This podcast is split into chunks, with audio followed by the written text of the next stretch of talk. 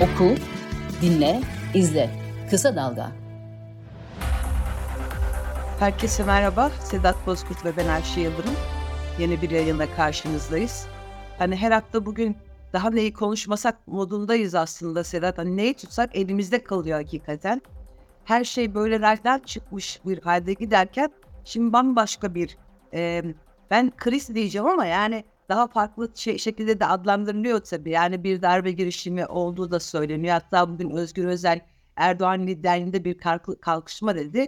Neden bahsediyoruz? Tabii ki Yargıtay 3. Ceza Dairesi'nin Anayasa Mahkemesi'nin tip milletvekili Can Atalay hakkında verdiği hak ihlali kararını tanımaması, tanımaması yetmezmiş gibi e, meclise ayar verip Can Atalay'ın milletvekili neden düşürmediniz, düşürün demesi ve AYM üyelerinin yani hak ihlali veren AYM üyeleri hakkında da e, suç duyurusunda bulunması. Şimdi dehşet bir manzara bunlar yaşanırken Erdoğan yoktu. Yurt dışı seyahatindeydi. E, ama öyle bir e, şey yaşandı ki hani Erdoğan'ın danışmanları Yargıtay'a sahip çıktı. Dolayısıyla bu acaba e, danışmanlar eliyle mi verilen bir karardı diye bir e, e, varsayımda bulunuldu. Bunları konuşacağız detaylarını. Sahip çıkmaları çok enteresandı. E, kim AKP'lilerdi? Yargıtay'ın bu çoğunu eleştirdi. Nihayet Erdoğan döndü ve konuştu. Hem uçakta konuştu hem de bir toplantıda konuştu bugün. Şimdi uçakta çok daha sert bir konuşmaydı. Hani e, AYM'yi tanımayan bir üslupla Yargıtay da bir yüksek mahkemedir. Zaten Anayasa Mahkemesi ardarda arda yanlış kararlar vermişti dedi. Fakat bugünkü konuşmasında da hani gerekirse anayasa ve yasal değişiklikleri yapacağız. Bir daha böyle bir krize izin vermeyeceğiz. Biz aslında hakemiz dedi. Şimdi ee, birkaç gündür birkaç gündür herkes bunu tartışıyor. Hakikaten ortada çok çok büyük bir kriz var. İşte bugün barolar e, yargıtaya yürüdüler. Anayasa kitapçığını bıraktılar. CHP mecliste bir nöbet başladı. Onlar da bugün yürüdüler. Özgür Özel işte orada yaptığı konuşmada e, bu bir kalkışmadır dedi. Erdoğan liderinde bir, bir darbe girişimidir dedi. Bunların yanında baktığımız zaman e, Ankara Emniyeti'nin o yayınladığı video 15 Temmuz'u unutmadık unutturmayız diye 15 Temmuz'a dair görüntüler bir yayınladı kaldırdı. Sonra dün akşam Özgür Özel'in e, bu karar tanımayacaklarına ve direneceklerine ilişkin sözlerinden sonra bir daha yayınladı. Bir Tabii herkes bunu şöyle algıladı.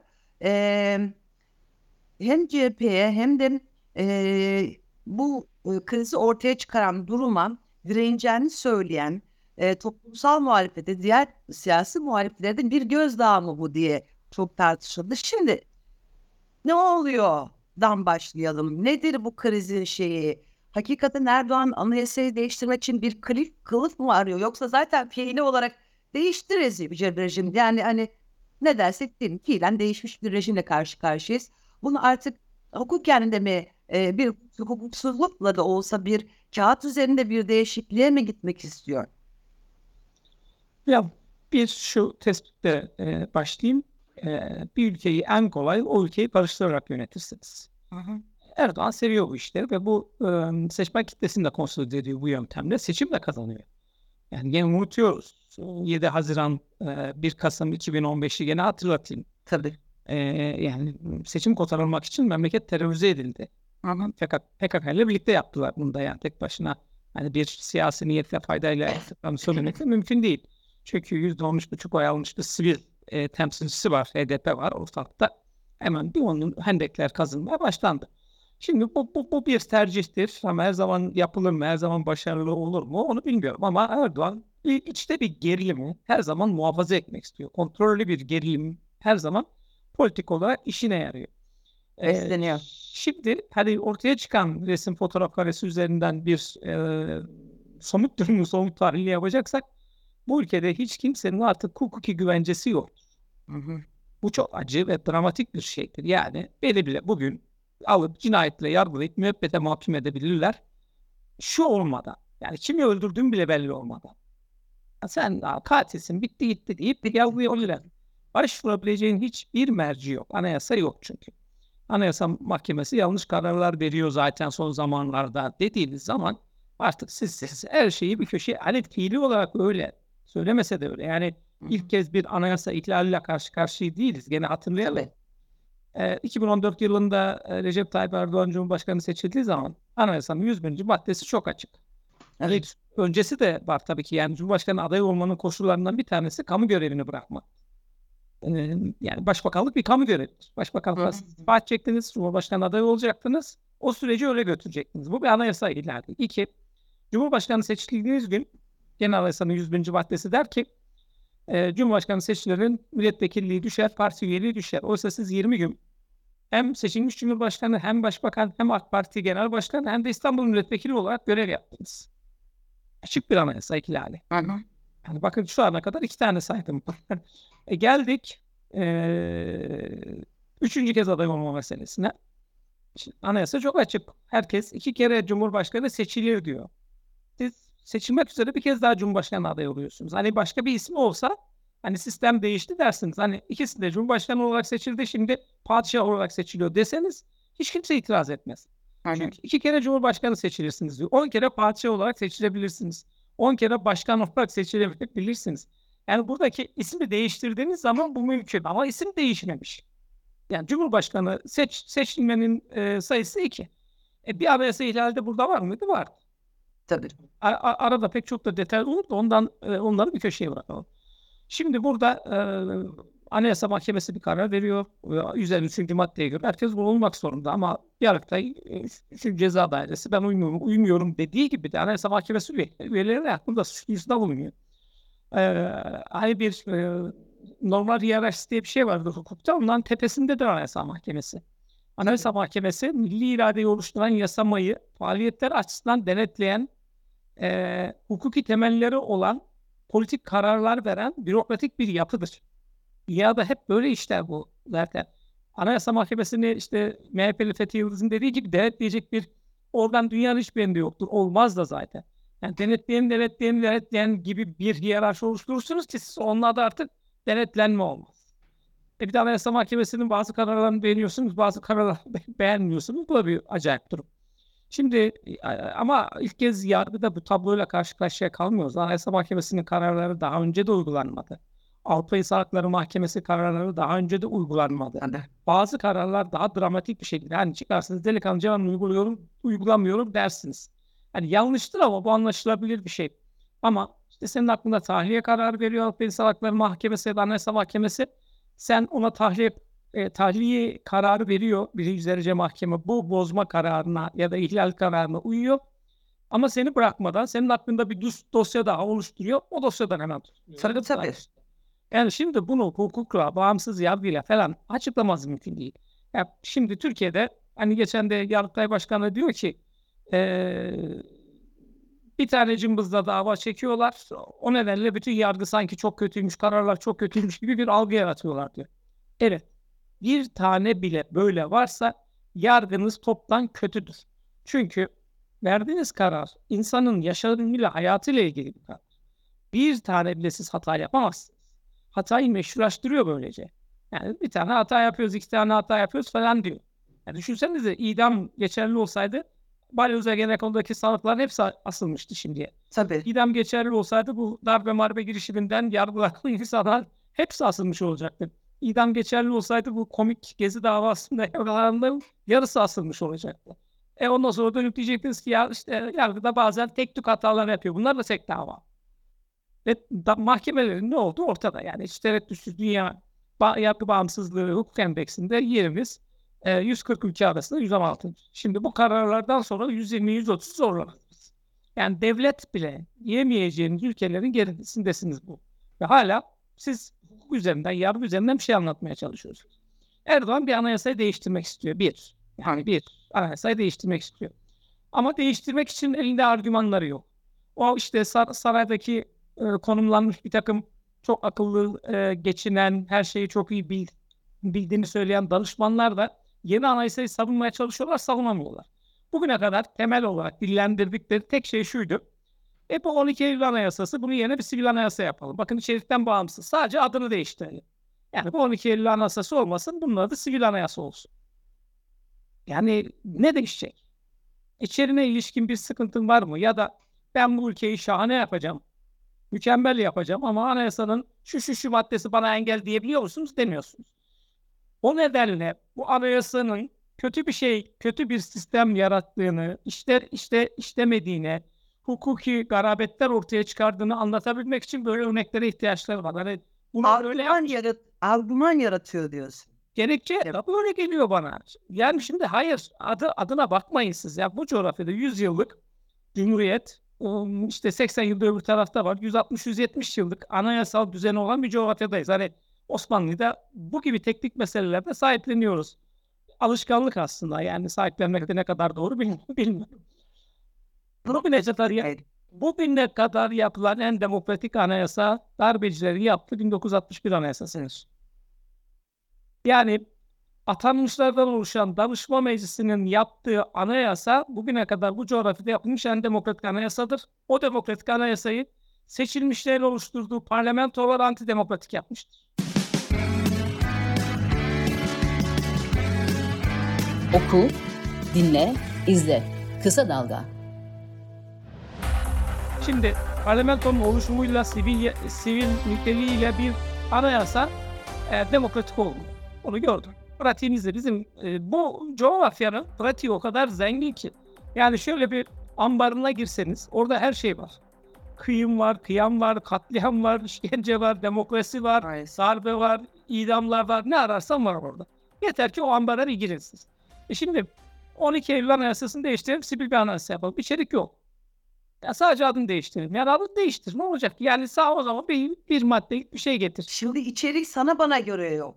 Demek ki bir içerik var yani. Hayır mesele değil. Şimdi bu anayasada bir virgülüne bile dokunsanız hemen diyecekler sistem değişti. Yani Cumhurbaşkanı bir kez daha aday olabilir. Hatta beş kez daha aday olabilir. Tabii. Dert bu.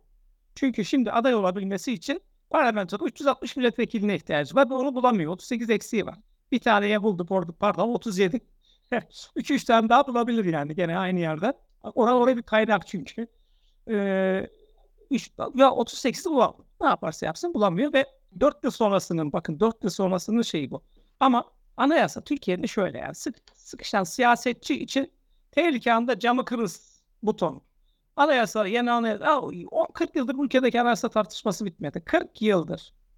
Şimdi mesela şunu açalım. Yani diyorsun ki bu anayasanın e, küçücük bir şeyine dokunsa bile Erdoğan'a yeniden bir e, e, e, adaylık yolu mu açılır? Ya niyeti o zaten bir yere bir şey iliştirecek. Kendi yorumuna açık. Bakın daha öncekinde örneğin eee, hep şu ım, ön kabulle yol aldıkları için önceki anayasa değişikliğinde hani iki kere seçilebiliyor. Üçüncü kere ancak e, Türkiye Büyük Millet Meclisi erken seçim kararı alsa seçilebilir hükmü var ya.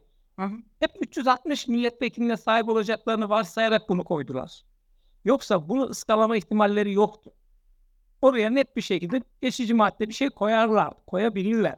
O zaman bu değişiklikte onu da onu da değiştirecekler. Yani yapmak istedikleri maddelerden biri de o. Ortaya Tabii bak, bak, bilemiyoruz çünkü bunlar yaptıktan sonra biz öğreniyoruz. Biz galiba işte sen ben okuduğumuzu okuduğumuz gibi anlayan insanlarız. Ama okuduğumuz gibi olmadığını onlar bize de anlatmaya çalışıyorlar. Bazen de zorla anla- anlatıyorlar. Yani şimdi de öyle yani iki kere seçilebilir. e, yani ilkokul çocuklarına verin okuyup anlarlar yani. Anlaşılacak bir şey değil burada. Yani bir kişi en çok iki kere Cumhurbaşkanı seçilir cümlesinin ikinci bir anlamı yok. E, oldu mu? Oldu. E şimdi bu anayasa değişikliğini hemen gündeme getirmesi de böyle çok şimdi mesele de şu e, Ayşe e, hani anayasa kötü mötü falan filan hani yeni bir anayasa yapmak lazım ama bugünkü sorun anayasadan kaynaklanmıyor. Anayasanın uygulanmamasından kaynaklanıyor. Yeni bir anayasa yaptığınız zaman onun uygulanacağının garantisi var mı? O da yok. Yok tabii ki. Yani yeni anayasa yaptın. Yeni anayasada güçler ayrılığını ya da yüksek yargının e, görev alanlarını net bir şekilde çizdin. Gene taştı dışına. Ne yapacaksınız? Üçüncü ceza dairesi çıktı dedi ki ben gene tanımıyorum anayasa mahkemesi. Ne olacak? Ya uygula, uygulama mesele. Bakın 153. madde çok açık. Beğensen, beğenmesen, hoşuna gitse, gitmese anayasa mahkemesi kararları herkesi bağlar. Nokta. Bitti. Bu kadar açık bir hüküm varken sen bunun içine girip de anayasal denetim yapıyor üçüncü cedde. Sen anayasaya aykırı davranıyorsun diyor. Sana senin görevin bu değil ki.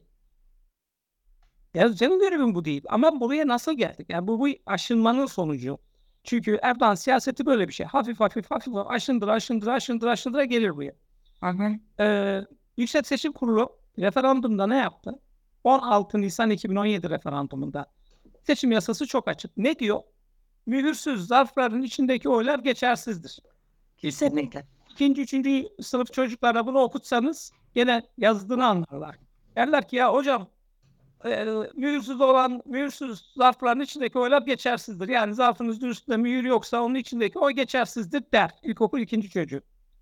Tam oylar sayılırken yasanın açık hükmüne rağmen YSK yeni bir yasa oluşturdu. Tabii. Bu yasayı ortadan kaldırdı. Kendini yasama yerine koydu. Bak bu çok vahim. İşte Tabii. darbe ise darbe.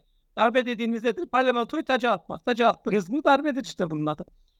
Bir sürü zarfların içindeki oylar da geçerlidir dedi. Ya olur mu böyle bir şey? Yani biz Oldu. oldu işte onu söylüyoruz. Bakın bir anayasa açık bir anayasa ihlalidir. Yani çok açık bir anayasa ihlalidir ve bu anayasa açık bir şekilde o gün ihlal edildi. Yani o şey muazzalıdır referandum sonuçları. Bugün e, e, sisteme geçildikten sonra bütün olumsuz yaşadığımız olumsuzlukların başlangıcı orasıdır. Ve burada yasaya uyulsaydı ve bugün bu ülkede e, dolar 30 lira olmayacak. En basitten öyle söyleyeyim. Hani insanlar ekonomik ekonomi şeyi anlatınca şey oluyor. E, ne bileyim Tolga Şarf'tan tutuklanmayacaktı. Gezi davasındaki arkadaşlarımız bu cezalara daha önce beraat ettikleri davalarda ikinci kez yargılanıp mahkum olmayacaklardı. Bu kadar basitmişler. Selahattin Demirtaş içeride olmayacaktı. Osman Kavala içeride olmayacaktı. Yasaya uyulsaydı bakın çok normal bir şey söylüyorum. Yani olması gereken bir şey olsaydı bugün bu bunları yaşamayacaktı. Şimdi burada siz kendi yasama yerine kendiniz koydunuz. Şey e, Fethi Yıldız, MHP'li Fethi Yıldız da bu Mehmet Uçum e, avukat. Ona hukukçu demiyorum, avukat diyorum. Avukat e, şey diyor yani Anayasa Mahkemesi kararına ilişkin Anayasa'nın mahkemesini kendisini yasama organı yerine koyduğunu söylüyor. E, Anayasa Mahkemesi'nin görevi zaten yasama organı denetlemek. Bazı onun üstünde. Denetlediğine göre onun üstünde. Onun alanına girebilir. Ha, bu alanına girdiğini ya da müdahale ettiği yerleri, oranı eleştirebilirsiniz ama bu meşrudur. YSK'yı nereye koyacağız? Siz YSK'nın bu kararına itiraz ettiniz mi? YSK sen ne işin var yasamanın alanında dediniz mi demediniz. Çünkü niye işinize geliyor? Cumhurbaşkanının üçüncü kere aday olmasının önünde YSK açtı. Burada da bir anayasa ihlali var. Oysa ki anayasa çok açık. Burada sadece kendini yasama organı yerine koymuyor bir de kurucu meclis yerine koruyor. Anayasa yapan kurucu meclis yerine koyuyor. Anayasayı yeniden düzenliyor. Diyor ki şey yeni sisteme geçildi. Ama anayasada öyle bir şey yok. Yani anayasanın ilk cümlesinden başlayın son cümlesine kadar yeni bir sisteme geçildiğine ilişkin bir hüküm yok. Yeni sisteme geçildiği zaman iki daha önce iki kez seçilmiş olması kabul edilemez cümlesi de yok. E nereden çıkardın sen bu yeni sisteme geçilmiş olmasını? Yani anayasanın tamamını etkisizleştiren, devreden çıkaran bir cümle kuruyorsun sen. Anayasayı devreden çıkarsın. Bu anayasa ihlaldir. Ama bakın bu bu bu, bu coğrafyanın çok tanıdık olduğu bir şeydir. Daha ağır dramatik bir örnek vereyim. Hani nasıl oluyor bu işler? Oluyor. Yani ve biz işte onları unutup geçip gidiyoruz. 12 Eylül askeri darbesinde darbeciler anayasayı ortadan kaldırdılar. Anayasal düzeni ortadan kaldırdılar. Darbeciler kaldırdıkları anayasal düzeni, anayasayı ortadan kaldırmaya teşebbüs ettikleri için gencecik çocukları yargılayıp bastılar. Düşünebiliyor musunuz? Bu anayasayı ortadan kaldırmak darbeciler için suç değil ama ortadan kaldırmaya teşebbüs etmek gencecik çocuklar için idamlık suç. Ve aslında onun çocuklar. Evet. Yani bugün de aynısını yaşıyoruz. Yani ortadan anayasa kaldırılmış, ortada bir anayasa yok. Bu anayasayı en çok ih- ihlal eden, açık hükmünü ihlal eden 3. Ceza Dairesi Anayasa üyeleri, Anayasa Mahkemesi üyeleri hakkında suç duyurusu savundu. Ka- Yani hiç 40 yılda değişen hiçbir şey yok mesela. Peki ama şimdi işte doğru söylüyorsun. 40 yılda hiçbir şey değişmedi ama şimdi ne olacak? Yani hani Erdoğan'ın tavrını gördük çok kararlı. Ee, bir yanda da hani Özgür Özel daha yeni genel başkan koltuğuna oturdu ve böyle bir krizle karşı karşıya kaldı.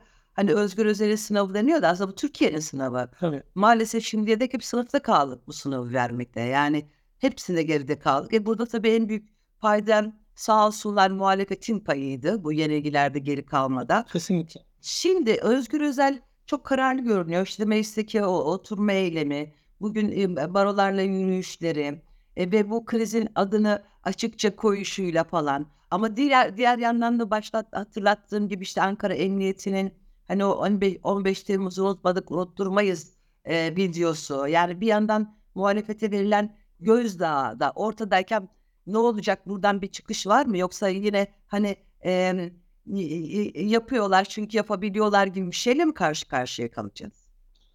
Ya burada e, hani ne engel çok emin değilim. E, durumdan vazife çıkaran işte Ankara Emniyet Müdürlüğü'nün videosu durumdan vazife çıkaran kurumlar da Hani bu neye işaret ediyor?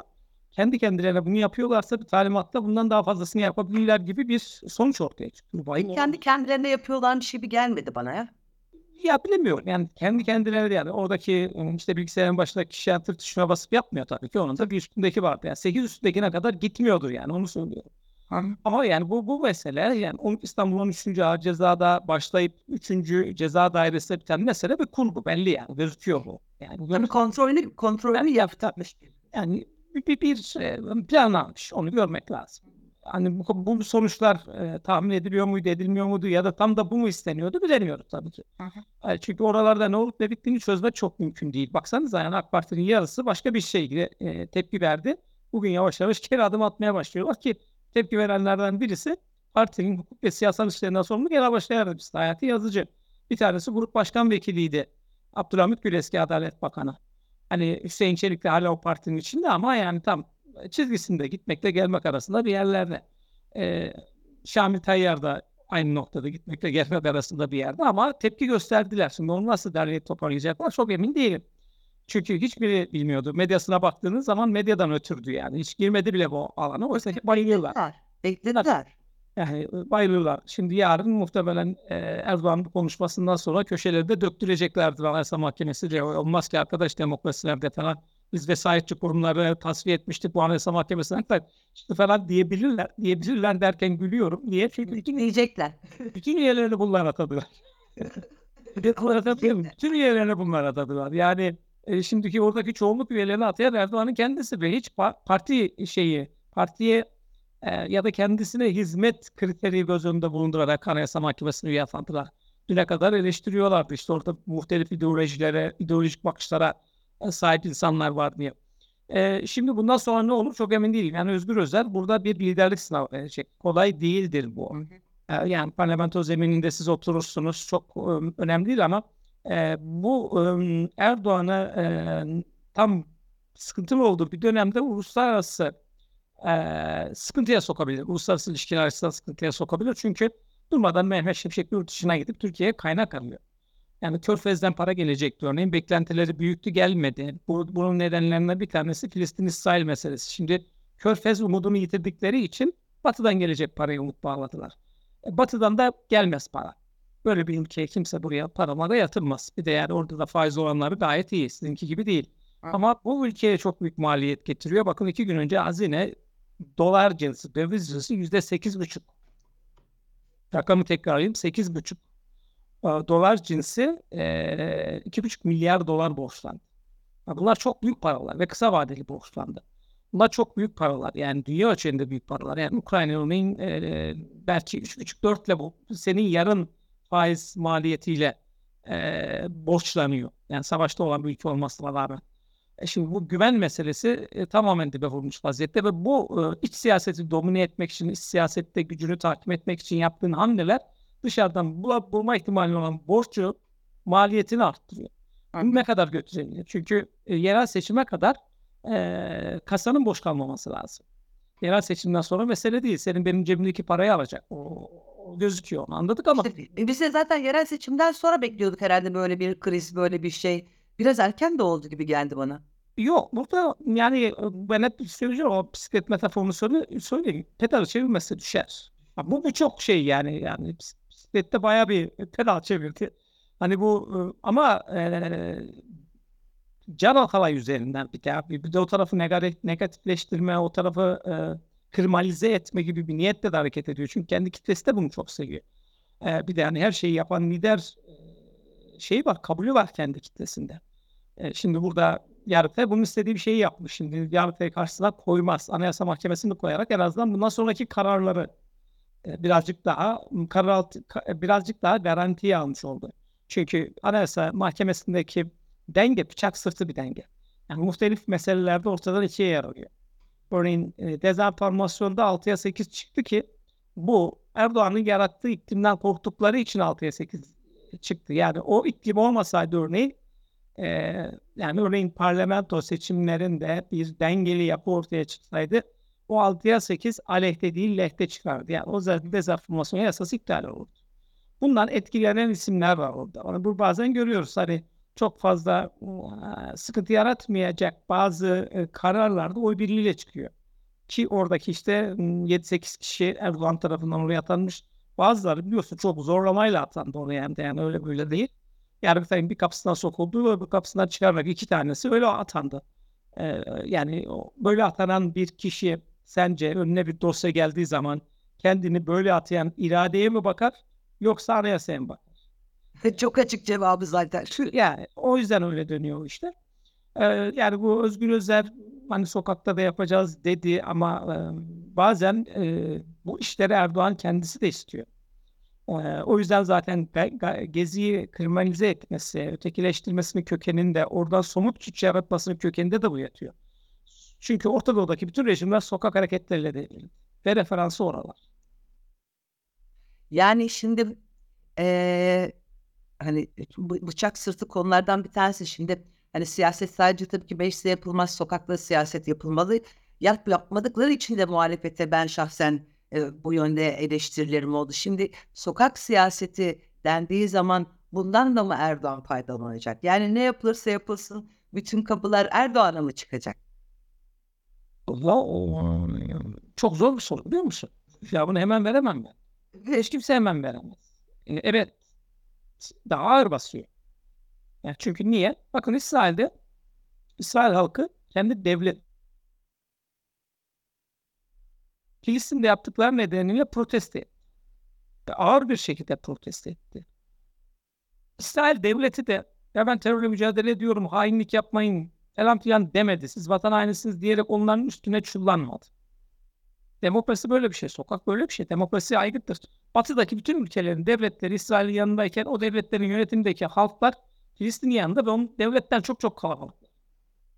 Ve her şeyi göze alarak işte Amerika'da görüyoruz yani insanlar e, İsrail'e destek veren kurumları basıyorlar. İşgal ediyorlar. İsrail'le ilgili olumlu haber yapan gazeteleri basıyorlar. İşgal ediyorlar bunların hepsi demokratik e, sınırlar içindeki eylemlerdir. Ve sahip çıktıkları insan hayatı. O nedenle cesaretle davranıyorlar. Şimdi sizin ülkenizde sokaktaki tek e, eylem e, devletin organizasyonuyla yapıldı. E, Erdoğan dedi gelin şurada yapalım. E, bir şey de değil yani. Sivil bir hareket sonucu oluşmuş bir e, İsrail'e telin mitingiyle değil. Devlet istiyorsa sokakta yapıyorsunuz. E, devlet istemiyorsa sokaklar tamamen işte şey, her yere kapalı, demokratik aygıt değil. Yani cumartesi annelerin her cumartesi baştaki yerini görüyoruz zaten. Yani kaç aydır orada ihtiyaç olduğu zaman biliyorsunuz cumartesi anneleri de sistemi eleştirmek için, sistemi yok etmek için e, meclis e, grup toplantılarında malzeme de yapıldı. Mesele değil bunlar yani. O nedenle yani şimdi CHP'nin önünde çok büyük bir sınav var. Bir, e, muhalefet ilerleyip toparlayıp toplumsal muhalefete önderlik edecek. Onları aynı zamanda koruyacak. Aynı çatı altında buluşturacak ve e, sonuç alıcı hamleler yapacak. Yani bunu nasıl yapar bilmiyorum. Sonuç alıcı hamleler yapmak zorunda. Ee, yoksa başka türlü e, yani işte Ekrem İmamoğlu CHP'nin şu günkü pratikteki en güçlü adamı. Ee, İstanbul Büyükşehir Belediye Başkanlığı aday, aday oldu ve seçildi. İki ay sonra kayyum atanabilir. Kayyum atar. Şimdi bu önlem olmazsanız bu olur. Ankara'ya da kayyum atar. Her yere kayyum atar. Çünkü hukuk yok. Anayasa yok. Hiçbir şey yok yani. Ee, şimdi bugün bu direnç hattını kurmazsanız artık o, ne demek lazım? Geçmiş olsun demek lazım. Evet. Yani ama yani süremizin sonuna geliyoruz. Toparlamak gerekirse öyle görünüyor ki yine çok kritik bir eşikteyiz aslında. Ve hani nasıl sonuçlanacağını şimdiden göremiyoruz. Ee, uzun mu, uzun bir vadeye yayılarak mı aşılır yoksa başka şeyler mi çıkar buradan? dillendirmek bile istemediğim şeyler mi çıkar buradan bilmiyorum ama hakikaten zor bir süreç daha bizi bekliyor öyle görünüyor ki. Tabii yani bu, bu sıradan bir kriz değil. Yani gerçekten e, Anayasa Mahkemesi'nin kararına itiraz eden, onu tanımayan ve Anayasa Mahkemesi'ne bu kararı verdiği için e, suçlayan bir e, alt mahkeme var. Yani e, şimdi bu buradan nasıl çıkılacağına ilişkin bir şey yok. Yani Cumhurbaşkanı ben taraf değilim, ben bunların kurumların düzgün çalışmasını sağlayan bir şeyin pozisyondan diyor ama böyle olmadığına geldi. Çünkü Cumhurbaşkanı anayasa bağlı. Anayasaya bağlılık yemin ediyor çünkü Cumhurbaşkanı seçildiğinde. Anayasanın 153. maddesi çok açık. Gerçekten bir e, hakemse 153'ü uygular. O anayasa uygulamak onu görevi çünkü. Benim görevim değil, senin görevin değil. Biz uyumak zorundayız. O uygulamak zorunda. 153 diyor ki Anayasa Mahkemesi kararlarına herkes uymak zorundadır. Nokta. Bunu sağladınız mı? Hayır. E bitti o zaman. Ya. İyi konuşuyoruz. Doğru söylüyorsun Sedat. Çok teşekkür ediyorum. Haftaya bakalım bu konu ne hale gelecek? Buna mı devam edeceğiz yoksa yepyeni bir kriz daha mı ortaya çıkacak? Göreceğiz. Valla CHP'yi konuşamaz olduk. evet CHP'yi konuşamadık. Yani onda konuşmamız gerekiyordu ama dur bakalım. Konuşamaz olduk yani. Evet konuşamaz olduk. Doğru söylüyorsun. Teşekkür ediyorum. Görüşmek üzere.